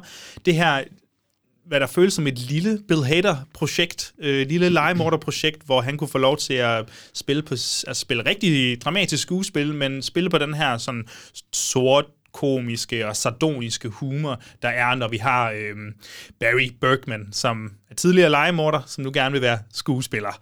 Øhm, altså skal vi sige, nu er vi helt oppe i sæson 4, øh, og jeg kan ikke blive ved med at sige, hvad der sker undervejs, fordi hvis der sidder nogen derude, som ikke har set den her serie, så vil jeg jo hellere end gerne have, at de faktisk sætter sig ned og ser den her serie. Men jeg kan sige, det er blevet det blevet mere Breaking Bad, end det er Better Call Saul. Og med det mener jeg, at Better Call Saul har jo også altid været sådan sjov og underholdende. Ja. Og det har, har Barry også været. Men nu er det ondt. Det, det er der, hvor vi har Heisenberg, når han er værst. Øhm, og, og, og, og det kan man tydeligt mærke, især i sæson 4 af Barry her. Jeg tror, anmeldte vi den her? Vi anmeldte den, og vi, var, vi skulle sådan lidt komme tilbage oven på en lidt lunken sæson 3, kan Ja. man vist godt sige. Jeg tror, vi gav det de der 4-5 stjerner. Jeg tror, jeg gav den 4 stjerner selv. Jeg har den heller ikke med på min liste, og det skal jeg også lige sige. Jeg har simpelthen ikke noget at se den. Nej. færdig. Øhm, men men ja, den har siddet i mig. Jeg tror især anden halvdel af den sidste sæson blev afsluttet så godt. Der er måske nogen af de her story beats og karakter beats, der kan føles lidt for, for hastet. Men jeg synes seriøst, slutningen er en af de bedste slutninger, der nogensinde ja. er på, øh, på tv. Det bliver dejligt, dejligt øh, metafiktivt, og det er især den her dekonstruktion af den seje legemorder Barry. Hvad, hvordan vil han egentlig blive husket ud fra de ting, han har gjort? Ja. Det synes jeg og er også, super spændende. øh, altså det, jeg husker fra de afsnit, jeg nåede at se i sæson 4, det er det der med, at nu har vi siddet og grinet og grædt lidt til... Øh, ja, komikken i det her meget makabre univers egentlig ikke, men så nåede vi frem til sæson 4, og nu skal den her mand, som jo dybest set er øh, Psykopat. fuldstændig psykopat, nu skal han stå til ansvar over for de mega dårlige Ja. beslutninger, han har taget, Og og, det var for- altså ret spændende. Og den forbliver også bare lige så legesyg, som den altid har været. Øh, glæder mig så meget til, at Bill Hader og Slinger der, de formentlig sætter sig sammen og skriver et eller andet øh, en action-manus, eller gyser-manus, ja. Eller sådan noget. Jeg tror, tror virkelig, det kan bringe et eller andet øh, med til det. Og jeg vil også bare sige, vi har fået nogle legendariske karakterer. Øh, Vi har fået Sally Reed, selvfølgelig spillet af Sarah Goldberg, og hun er bare mega god og leverer virkelig nogle fantastiske... Hun er jo også skuespiller i selve tv-serien. Og der er et eller andet med, når skuespillere skal spille skuespillere, der både spiller dårligt skuespil og godt skuespil, Ja. og man kan mærke det der skift, der kommer Ja. en gang imellem. Det er der, du lige flexer, hvor god en skuespiller du egentlig i virkeligheden er. Stephen Roots Fuchs, uh, Anthony Carrigans NoHo Hank, som NoHo er Hank. en kritiker og anmelder, publikums darling, alt darling, ja. han er fantastisk. Og ikke mindst uh, Gene Cousineau, spillet af dejlige Henry Wink. han er jo altid, altså hvis han er med i din serie, jamen, så har du et hit på hænderne. Han er jo altid fantastisk. Du, jeg, jeg synes, du skal prøve, når du engang får tid i 2027, øh, at se, om du kan få færdiggjort Jeg Barry. lover, at jeg får den øh, set færdig på et tidspunkt, og så er jeg sikker på, at den kunne sagtens have været i øh, min top 10 i hvert fald. Vi springer over på min øh, fjerdeplads, må det så være, og hvis øh, nogen kan huske tidligere i episoden, så var der jo en 8. plads, vi slet ikke noget at snakke om, fordi der var to titler, der ville dukke op på et senere tidspunkt. Jamen nu er vi altså kommet til Joachims 8. plads også, som jeg selvfølgelig kan lide meget bedre end ham. Naturligvis. På en fjerde plads, der har vi en uh, tredje sæson med uh, How To with John Wilson. Også en uh, serie, jeg kunne forvente er lidt under radaren Det er hos altså en de lille fleste. serie, jeg tror. Jeg tror ikke, der er mange, der ved, hvad det er. Vil du ikke prøve at forklare selve sådan konceptet omkring Jamen, det er jo sjovt, ikke? Og nok den eneste. Jeg, kan man overhovedet kalde det dokumentarserie? Det ved jeg ikke, om man kan, men uh, det er jo en form for sådan... manipuleret dokumentar? Ja, det er en form for YouTube sådan noget vlogging, ikke? Altså, øh, John Wilson, han er ham her, den lidt øh, sjove fyr, en meget sådan Nu lidt... skal du sige akavet. akavet fyr, meget sådan øh, høj og spraglet og, og nørdet. Og så handler How To with John Wilson, jamen det handler egentlig mest om ham, der går rundt i New York skader. Og så forestiller man, at han har filmet, det ved jeg ikke, 6.000 timers optagelser af faktisk hvad som helst. Altså han, hans kamera, det kører hele tiden, og så har han fået så mange billeder af, hvad New York og hvad især New Yorks mennesker er. Og så kommer han også på alle mulige andre ture ud af New York. Og det der er med den her måde, den er bygget op på serien, det er, det hedder sådan noget, uh, how to... Uh, Clean your ears. Ja, yeah, how to get rid of your trash, eller eller andet. Der er altid sådan en, en, en grundlæggende præmis for, hvad skal det her afsnit Fordi han er så om. socialt akavet, at han kunne godt bruge hjælp til nogle ting, så nu vil han prøve at hjælpe folk med, hvordan du skal lave de her mundane. Ja, der er, i tidligere sæsoner, så er der for eksempel et afsnit, der starter ud med at handle om, hvordan, øh, hvordan splitter du regningen mellem venner. Ikke? og det, der så er med alle afsnit af How To with John Wilson, det er, at det starter med en eller anden sådan helt ligegyldig, øh, whatever præmis, et eller andet spørgsmål, han har sat for dagen, og så igennem sådan, øh, hvad kalder man sådan noget, associativ tænkning, igennem de her billeder, vi bliver præsenteret for, jamen så forestiller sådan en tankestrøm, ja. hvor han som et andet, jamen ikke gang ADHD-barn, fordi han er verdens mest afslappet og cool og akavet menneske, men det der med, hvordan hans tankestrøm, fordi der er jo den her konstante voice-over i serien, hvor han reflekterer over de ting, han ser, og hvem han er, og inddrager sig selv og byen og menneskerne omkring ham, jamen så kommer vi ud på 30 som regel vanvittige minutter af de her afsnit, hvor det sted, han starter, og det sted, den her fortælling ender med ægte Du, du kan mennesker. få en million gæt, og du vil aldrig ramme det. Du kan ikke forestille dig nogle af de mennesker, han møder i New York. Altså, der, der afsnittet med Avatar, der er med lejligheder, og der, der er simpelthen så... Og, og nogle, øh, en kæmpe stor villa og energidrikke og sådan noget. Nu siger jeg det bare lige vagt, så dem, der har set det, de er... Øh, Jeg siger bare her. lige øh, den der klunke penis træningsmaskine til at forlænge din forhud. Ja. Det kan være, at man kan sælge Oh serien my til god. Parasite, what a movie. til, til alle, der elsker øh, cringe comedy, til alle, der elsker sådan noget. Jeg elsker sådan noget YouTube. Altså, hvis du Ja. følger et par YouTubere, som bare sidder lidt og snakker om livet, og, og hvad har de lavet i dag.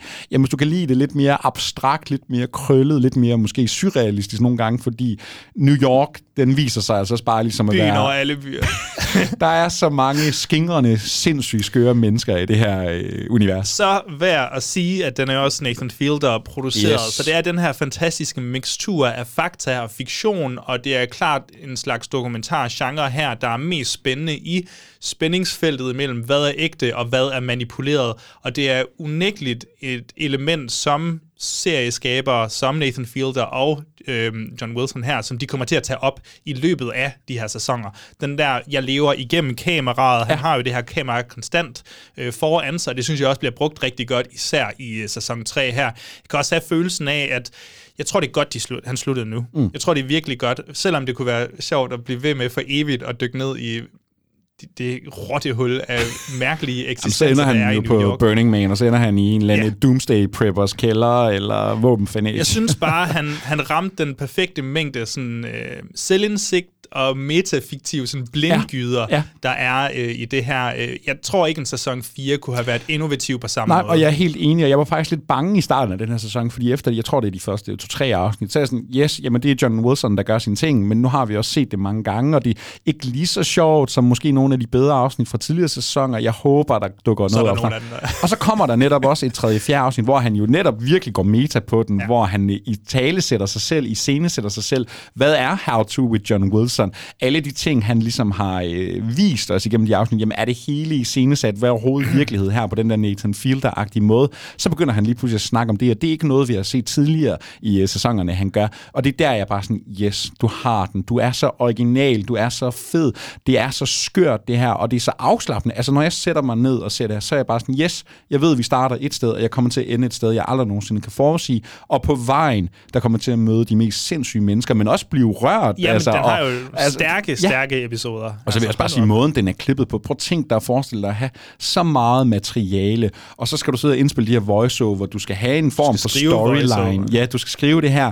Du skal sørge for, at, at dit materiale og måden, du klipper det på, det passer til den vej, det her ligesom skal gå. Det må være så vildt at øh, ligesom danne den her storyline, Altså, det er fuldstændig sindssygt. Hvis du er interesseret i processen, så var han på Mark Marons podcast ja. øh, for nogle måneder siden, hvor han snakker om det. Han lyder dejlig akavet, som han også gør i selve tv-serien. Men han snakker lidt om hele processen, og hvordan han mødte Nathan Fielder og sådan noget. Så, Til så. alle fans af Nathan Fielder, jamen har du ikke fået set How to with John Wilson, så ligger der altså tre fantastisk dejlige sæsoner til dig. Hey, New York. It's been a long day. You were late for work. The gym was too crowded. Your identity got stolen. And there weren't any seats on the subway. The repetition of everything is finally starting to get to you. And every door you enter just feels like a door to nowhere. But when everything else in your life has let you down, it's good to know there's always one thing you can count on. Because TV. TV will always be there for you. On your proudest day, or in your darkest hour. That glowing box will be there waiting for you. And when you make it all the way to that final episode, don't be sad that it's over. Just be glad that you felt anything at all. So when that date of yours never shows up, or your boss won't cut you any slack, just know that that pain is only temporary. Because you'll always just be able to watch TV when you get home. This is John Wilson. Talk to you soon. Nu bliver det altså alvor. Vi øh, bevæger os ind i vores øh, top 3. Og så er det jo altså også her, hvis du kun skal have måske tre streamingtjenester øh, abonnement i år, jamen, så er det jo måske nogle af de her serier, der er værd at gå med. Så må vi se, om øh, vi kan ramme nogle af de samme øh, tjenester. Jeg synes, vi skal starte med, hvad jeg har taget med på min tredje plads, fordi den var jo faktisk op på din femte plads, Joachim. En ny original serie over på, øh, var det ikke på Netflix, den Det landede? Netflix. Beef. Det er jo hele vores liv. Det er jo det, den her podcast er baseret på, når to mennesker, de har beef med hinanden. Jamen, det, det er cirka sådan, vi skabte den her podcast. det var øh, grundelementet i det hele, at vi to havde så divergerende holdninger, at... Øh, Kan vi mødes et eller andet sted? Præcis. Nej, det er ikke rigtigt. Vi har jo tydeligt fundet ud af, at vi har alt for mange af de samme holdninger. Ja, men nu har jeg beef, fordi jeg har den på tredje pladsen, du har den på femte pladsen. Ja, det ved wow. ikke helt, om jeg kan leve med. Sikke en forskel. en øh, ny original serie skabt af Lee Sung-jin, en øh, sydkoreansk, amerikansk øh, øh, fyr, ja. Og hvad handler Beef om? Jamen, vi møder øh, hende her komikeren, det er hun i virkeligheden, Ali Wong, nu gør hun så også som skuespiller. Og så har vi selvfølgelig Steven Yeun for vores allesammens yndlingsfilm Burning, og man, han har også været med i noget Walking Dead, men det gider vi ikke snakke om. De to, de kommer ud for et lille uheld, der øh, sker noget road rage. Hvordan er det? Er det hende, der øh, stjæler hans parkeringsplads måske?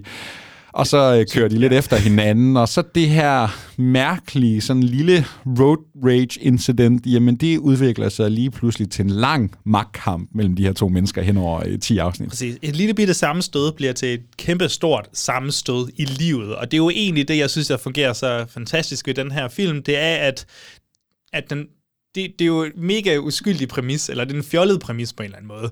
Når de, der er road rage, og så, går de, så tænker de, Nå, men nu skal vi ødelægge hinandens liv. Det er ja. basically det. Men i serien er der jo så meget mere end det, fordi der er klasseskæld, der er um, immigrantfortællinger, der er familie, nation, nationalitet, identitet, ja. øh, køn, og alt muligt spiller ind. Og pludselig finder vi ud af, efter ikke ret lang tid, at hov, øhm, det er jo faktisk deres nye årsag til at leve det her, deres reason to live, det er jo netop, at de kan terrorisere hinanden på et eller andet Præcis, og det skal siges, det er Amy og Danny, de her to øh, mennesker, vi møder. Danny, han er ligesom sådan arbejderklassen og lidt øh, jamen, depressivt anlagt, det har ikke så meget kørende for sig. Og så har vi Amy, øh, meget en del af noget high class, har sin egen virksomhed, bor i et sindssygt lækkert hjem og har børn og, ja, og en mand. Og, hans far var kunstnerikon og sådan noget. Ja, har det her facadeliv af, at alt bare er perfekt, men under overfladen, og det gælder jo også øh, Danny her, som selvfølgelig har nogle mere øh, større problemer foran sig, jamen så bobler det der raseri, som alle mennesker på en eller anden går med, ikke? og så, ja, som du siger, ikke, bliver, kan, kan sådan en lille beef så blive en undskyldning for simpelthen at få noget mening i sit liv. Og det, er jo, kan det gøre en forskel. det er jo virkelig der, jeg synes, at den her serie udmærker sig, ikke? også fordi det er 10 afsnit, 30 minutter, så kunne det sagtens bare have været de to, de der interne kampe, mm. de har ikke, fordi der sker det her nede i supermarkedet, han kører efter hende, den her video begynder at sprede sig, hvilket hun er pisse bange for, fordi hun har et navn, hun ligesom skal bevare, og så tager han lige pludselig hjem til hende, ikke, og begynder at fuck lidt med hende, der går nærmest lidt alene hjemme i den, ikke? han er jo VVS'er og skruer ja. lidt ved toilettet og sådan noget. Men så, og så tænker man sådan, om det er det, den her serie er. Ikke? Men nej, så bliver den en anden, en anden slags serie. Den bliver meget mere menneskelig. Den bliver en større serie. Der kommer nogle fantastiske enkelstående scener. Hvis der er noget, folk har grædt til i år, så må det være sammen med uh, Steven Yeun's Danny her, der står inde i en uh, kirke og yes. hører noget musik. Hvor den her serie, der bliver den bare lige... Den får lige det der ekstra niveau at den om. Det er derfor, den skal op på min tredje plads. Og jeg synes jo også, hvor den her beef ligesom ender med at slutte. altså alene bare det sidste afsnit. Det bliver så abstrakt, det bliver nærmest... Jeg kommer til at tænke på sådan noget Barry-agtigt, ikke? Ja, altså, jeg kan tænke på Coen-brødrene, eller et eller andet sådan, hvor til, det er taget og strukket ud i sådan en grad, at det bliver helt absurd, ja. hvor det er endt henne øh, og det fungerer sindssygt godt. Altså, den, den er jo gennemgående underholdende, men med et dejligt, dejligt, dejligt mængde mørke samtidig. Virkelig mørk humor, og øh, Steven Yeun har med jo alle sammen. Han er altid fantastisk. Ali Wong, jeg var lige lidt bange i starten. Kan, har hun ligesom the chops som en øh, skuespiller, der både skal kunne være dramatisk og mm. følsom mm. og sjov, ikke? Og så har hun sex med en pistol, og så... det kan hun sagtens finde ud af, og generelt også bare et fedt sådan, øh, ja, den her familie, vi ligesom møder, der er nogle super fede karakterer, og, og ja, det bliver bare voldelig og mørk i tider og sådan noget. Jeg var virkelig, virkelig glad for det binge, jeg havde med, med Beef her en, en dejlig, dejlig serie, man virkelig skylder sig selv. Og øh, så synes jeg jo, Beef var en rimelig original serie, en original take. Så kigger jeg på din tredje plads, Joachim, og det skal jo sige, det var den, jeg havde op på min øh, 8. plads. Du nåede, du nåede at se den. Jeg, jeg synes, jeg kunne se den. nogle rettelser i dokumentet ja, lige på falderæbet. Jeg havde ikke fået skrevet den ind, og så så jeg, at du har skrevet den, så tænkte jeg, fuck, den skal jeg jo også have med på min top 10, ja, fordi det var fandme en sjov serie, og den mest, altså hvis How to with John Wilson, han kan finde ud af at lave sine egne fortællinger, yes. så kig lige over på Jury Duty her, som altså ligger på uh, Prime Video. Og jeg, og jeg tror også, det er den der sådan akkumulerede effekt af, at du, du havde ikke nogen forventninger til den. Den er så lille, der er ikke nogen, der har der er næsten ikke nogen, der har Nej. snakket om den, og så kommer den bare som den der kæmpe overraskelse, og viser også, at, at det behøver ikke at være House of the Dragon og Lord of the Rings, der tager to år mellem produktionerne og kæmpe special effects og whatever. Nej, nej, hvis du, hvis du kan forme dit lille koncept til noget så perfekt og interessant som det her, så det er faktisk nok i sig selv, fordi den handler jo om... Jeg begynder jo lige at tænke, jeg kom til at sige How to with John Wilson, det var den eneste dokumentaragtige serie, vi har, men ja, nu får du øh, fornøjelsen af at forklare, hvad Jury Duty så handler ja, fordi det er, vi, er stadig, altså, vi er igen over i manipuleret virkelighed, men ikke for os alle sammen. Vi er in on the joke her, hvilket er unikt og fantastisk. Den ha- vi følger ligesom de ins and out hverdagen i en amerikansk retssag, hvor man følger den her juryen, dem, de her mennesker, almindelige mennesker, ja. der er på jury duty i USA. Og man ved, ja, New York i USA, det er mærkeligt, men alle steder i USA, der er nogle unikke, unikke mennesker, du møder. Lovgivning i Amerika, ja. det er en verden for sig. og, øh, og vi ser det så igennem ham her, jurymedlemmet Ronald Gladdens øjne. Hvad han ikke ved er så, at alle, som i alle, udover ham, er in on the joke. Altså alle er skuespillere, eller kameramænd, eller whatever. Øh, og vi som personer ved også, at han er det eneste menneske i den her tv-serie, der ikke er en skuespiller. Ja, han tror, han medvirker i en jury, hvor der er en, et dokumentarhold, der simpelthen Præcis. bare kom, får lov til at komme tæt på, fordi scenes, det er jo noget, man aldrig må i en jury. Det skal foregå bag lukkede døre. Jamen nu øh, får vi en behind the scenes øh, eksklusiv adgang, og han har ligesom været igennem en hel castingproces for at kunne blive en del af det her. Det tror han jo også, alle andre har, men de så alt i den her verden er fabrikeret omkring ham. Fuldstændig. Og, og det er også derfor, at det giver... Man føler ikke, at det er urealistisk, at han går så meget med på det hele, fordi der er jo det her dokumentarhold, og han får lov til på reality, reality tv-agtig vis at lave de her dagbøger og snakke lidt ind til kameraet. Wow, det er godt ikke vanvittigt, at jeg Ja. mødte, mødte den ægte skuespiller James Marston. Som dukker op i den her serie. Præcis.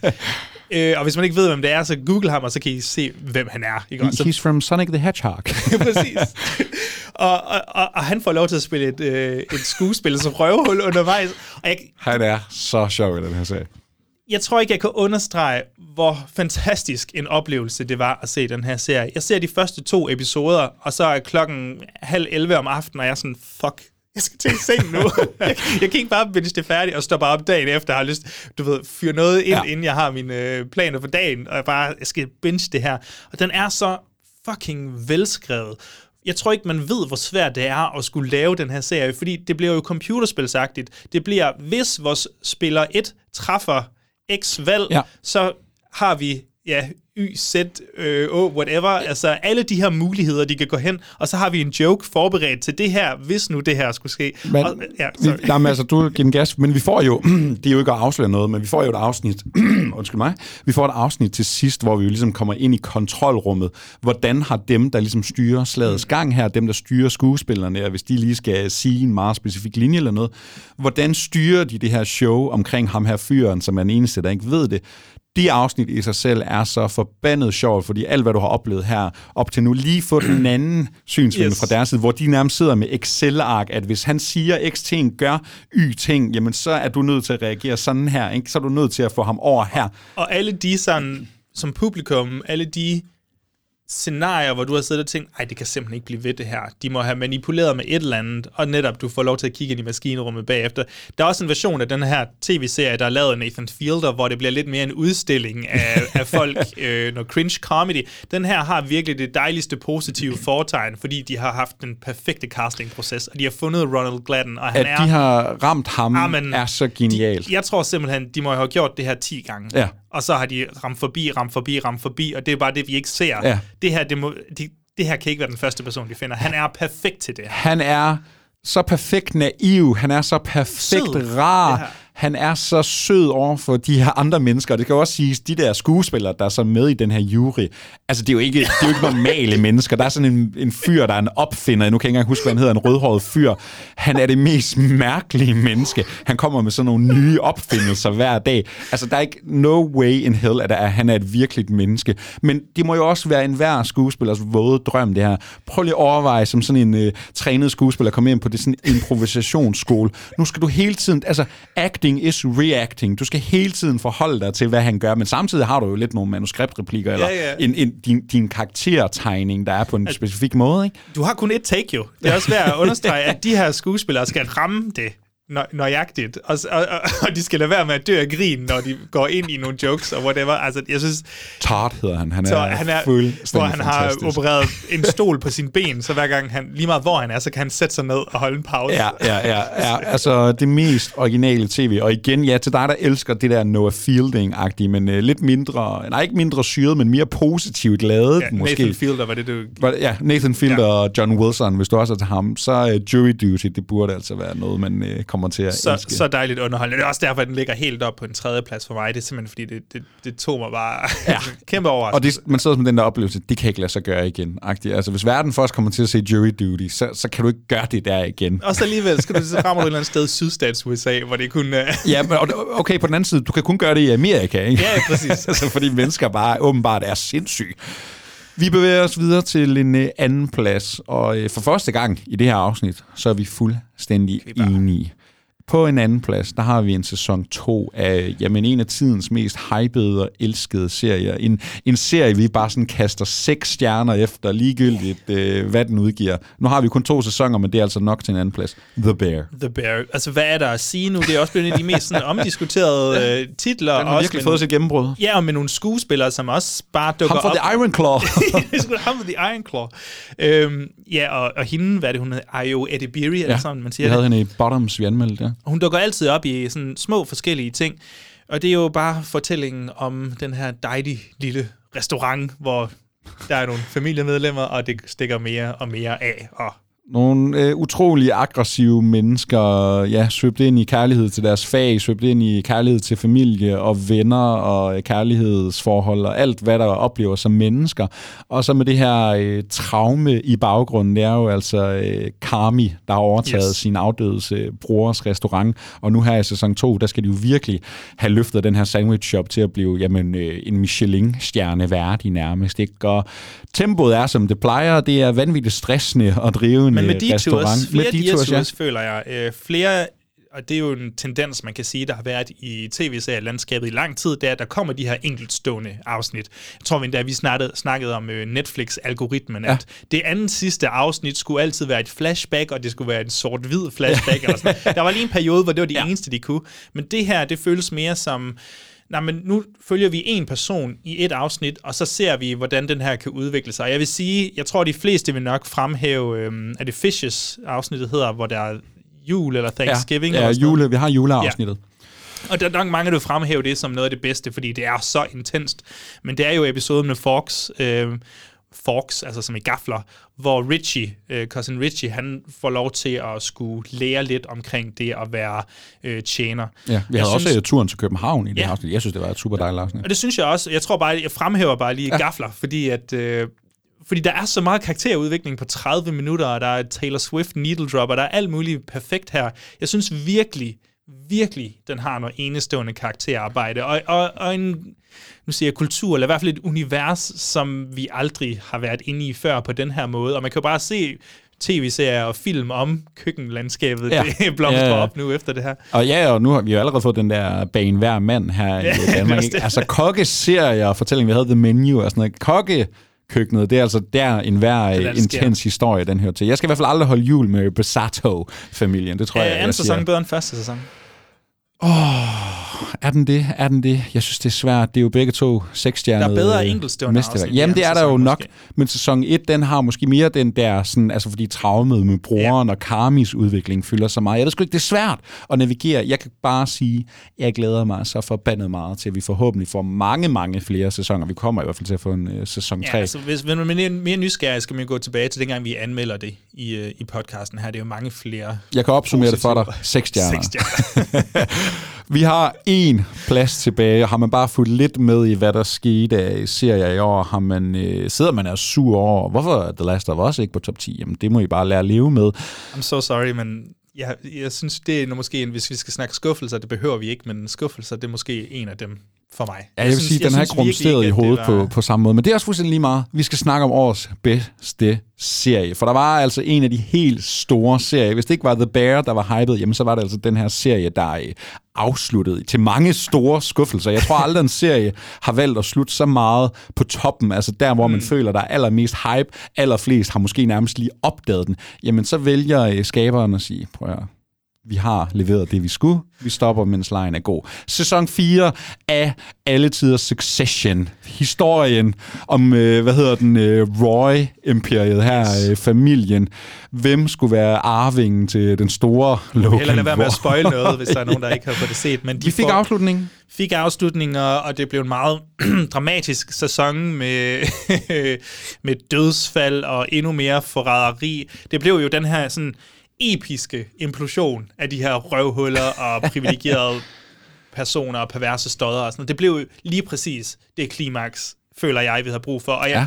og nu skal jeg ikke øh, lægge ord i din mund, men lige så meget som jeg elsker The Bear, altså der var, der var ingen konkurrence for Nej. mig. Der var Nej, jeg er helt vid- enig. vidderligt ingen konkurrence for mig, om Succession skulle ligge på førstepladsen. Det er noget af det bedste tv, jeg nogensinde har set. Det er måske, jeg tør næsten sige det, det er måske min nye yndlings-tv-serie. Jeg Ja. synes, det er fænomenalt. Det er velskrevet fra replik til replik, afsnit til afsnit, sæson til sæson. Karaktererne, man føler jo ikke, de udvikler sig. Men, men når man lige sætter sig ned og, og kigger på hver enkelt afsnit, og hvor meget de har udviklet sig, og man finder ud af, at det er jo, det er jo nogle af de bedste karakterer, der nogensinde er skrevet. Det er jo Shakespeare. Altså. Det er så fantastisk, og øh, nu øh, var 2023 også år, hvor jeg genså lidt Peep Show, det ved jeg ikke, om du nogensinde har set, men og lige sådan, det går lige op for dig, Jesse Armstrong, du gik fra Peep Show, som er en fucking sjov, men øh, noget helt andet. Yeah. En fucking sjov serie, en briti- meget britisk serie, øh, men noget helt andet end Succession, og nu er det ligesom den her, der er din ting. Hvor er det vildt, at du også lige havde den i dig. Og så synes jeg jo også, hvis vi har den der Hall of Fame, lad os sige Breaking Bad, The Wire, The Sopranos, de ja, der typer. True Detective har jeg også. Ja, og så øh, står Succession jo så øh, side om side nu. Jeg kom jo faktisk sent ombord. Jeg tror først, jeg gik i gang med at se den under noget corona, øh, da tredje sæson var ved at øh, nå sin afslutning. Ikke? Og, og det er den der tid, det er der, hvor jeg bare bliver mindet om, det er der, når tv-serier er. Ikke? Hvorfor bruger jeg ikke mere tid på tv-serier? Fordi så kan det være, at jeg finder en oplevelse som Succession. Sjældent har jeg da lappet Ja, så præcis. hurtigt en tv-serie i mig. Og alle de her ja, karakterer, det der drama, de der tilsvininger. Så her kan du snakke om glasskår og folk, der bliver stukket Altså, i ryggen. jeg har vidderligt skrevet, at, at du kunne, der er en encyklopædi over tilsvininger. Og det er egentlig bare samtlige afsnit af Succession. Jeg synes, det er noget af det mest underholdende. Jeg glæder mig til at se de forskellige karakterer svine hinanden til på grotesk vis. Man må virkelig også bare hylde det der writers room. Ja. Man forestiller sig bare, at, at de har levet hvert eneste sekund af deres øh, vågne tid, sådan kiggende efter nye måder at svine folk til Jo, og, og, og prøv at tænke, der kommer en, du kommer med en sæson 4. Vi har alle sammen regnet med, men der er stadigvæk 3-4 sæsoner tilbage i Succession. Så går Jesse Armstrong ud og siger, hør her, det bliver den sidste sæson. Det var et chok for hele verden. Det var et chok for de skuespillere, der var med Præcis. i serien. Der var ikke nogen, der regnede med, at den skulle slutte på det her tidspunkt. Og den træffer bare nogle, nogle barske valg der også, og, og det, er det, jeg, det er derfor, jeg tror faktisk, det er lige præcis er årsagen til, at den kommer til at stå i pansernet. Mm. Det er fordi, at den stopper på toppen. Præcis. Der er ikke en udvandring af de her karakterer. Du når ikke at blive træt af de små øh, jeg, tilsvininger. jeg var rædselslagen for, kan de virkelig nå at få styret det her i havn med en sæson tilbage, når jeg føler, der ligger 3-4 mere, ikke? De tager de der valg, der skal til for at skabe den nødvendige drama. De går nogle andre veje end det drama, du har set i de tidligere tre sæsoner. Ikke? Det bliver noget andet, der lige pludselig er på spil. Og der, hvor den slutning lander, nu er det jo det er- altså især vores... Øh, kunne, de, kunne man gøre det bedre? Den kunne jo ikke laves Nej. bedre. nu er det jo vores øh, tre Roy-siblings, her, eller fire er de jo egentlig. Men den her konstante kamp om, ja, hvem er det, der nok skal ende med at overtage, der hvor den slutter, det, det kunne ikke være mere succession. det, up, altså, buckle det kunne ikke have været bedre øh, afrundet, det her. Hvem er din yndlingskarakter? Et, et fuldkommen umuligt valg. Jeg synes jo, vi er næsten i... Vi er jo Fargo-territorie mm. her. Øh, bims på en anden måde af de her mennesker, men alle får jo deres øh, shine. Jo, hvad skal man sige? Er det Kendall? Er det Roman? Det er Tom. Jeg skal det, det er Tom, Tom Det er Tom. Det er Tom Det er Tom. Tom, Tom for mig i hvert fald. Og hvis man lige kan have en Cousin Greg. supple- supplement af Greg samtidig, de to sammen er jo bare en kilde til... At det, det er måske den mest dynamiske duo. The most iconic duo yes. of all time. Det er så Cousin Greg og uh, Tom Wamsgans. Bogart and uh, Bacall. Nej, nej, nej. Joachim Jelle og Mikkel Abel, de Yes, havde aldrig en chance. Årets serie, det var altså fjerde sæson af Succession. Så et lille bifald, et stort bifald til Jesse Armstrong og resten af holdet. Tænk, at de lige lavede en af verdens bedste serier. You're such fucking dopes. You are not serious figures. I love you, but you are not serious people. Det var altså årets bedste 10 serie, Joachim. Der er ikke lige en, du er kommet i tanke om, du skal have haft med. The Last of Us, skulle den op på førstepladsen alligevel? Nej, det, det, det, det skulle den virkelig ikke. Kæft, en lortes... Ej, slap nu af. Øhm, den er fin. Men øh, vi har sgu ikke snakket om The Idol, så jeg ved ikke lige, hvad vi gør her. ah, shit, den havde jeg glemt alt om, ligesom resten af verden, tror jeg, det sekund, den stoppede. Nej, altså er der nogen, øh, var, var der lige en boble, man skulle have haft med? Var der lige, en, hvad, hvad var din, du sagde, du havde en omkring øh, din øh, 11. 12. plads, det var noget Blue Eye Samurai. Blue Eye Samurai. Øhm, synes også, at The Fall of The House of Ja, Usher den var jeg lidt ked af, at jeg ikke også- kunne få med. Ja, altså den, den, den er ikke lige så god som Midnight Mass, eller hvad, hvad Flanagan nu ellers har lavet, men han er jo en meget spændende stemme i gyserlandskabet, at han kan få lov til at lave de her sådan bearbejdninger af, af gamle gyserklassikere, Ja. og det fungerer jo ret godt. Bruce Greenwood, dejlig, dejlig mand, især i den serie. Var, var der noget, du ikke har fået set, som du sådan, altså en disclaimer, hey, den der fik jeg altså ikke set? Øh, ja, Taylor Sheridan, øh, nogle af de der Black Ops og ja.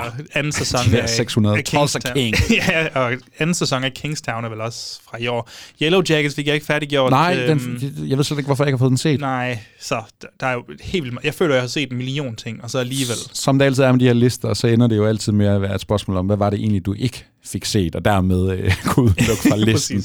Jeg øh, er i hvert fald glad for den øh, liste, vi nu har præsenteret. Jeg synes lige, for lytterne og vores egen skyld, så skal vi lige have opsummeret vores individuelle top 10-lister. Vil du ikke bare have lov til at lægge Yes. ud, så kan vi lige tage dem fra øh, 10 til 1 her.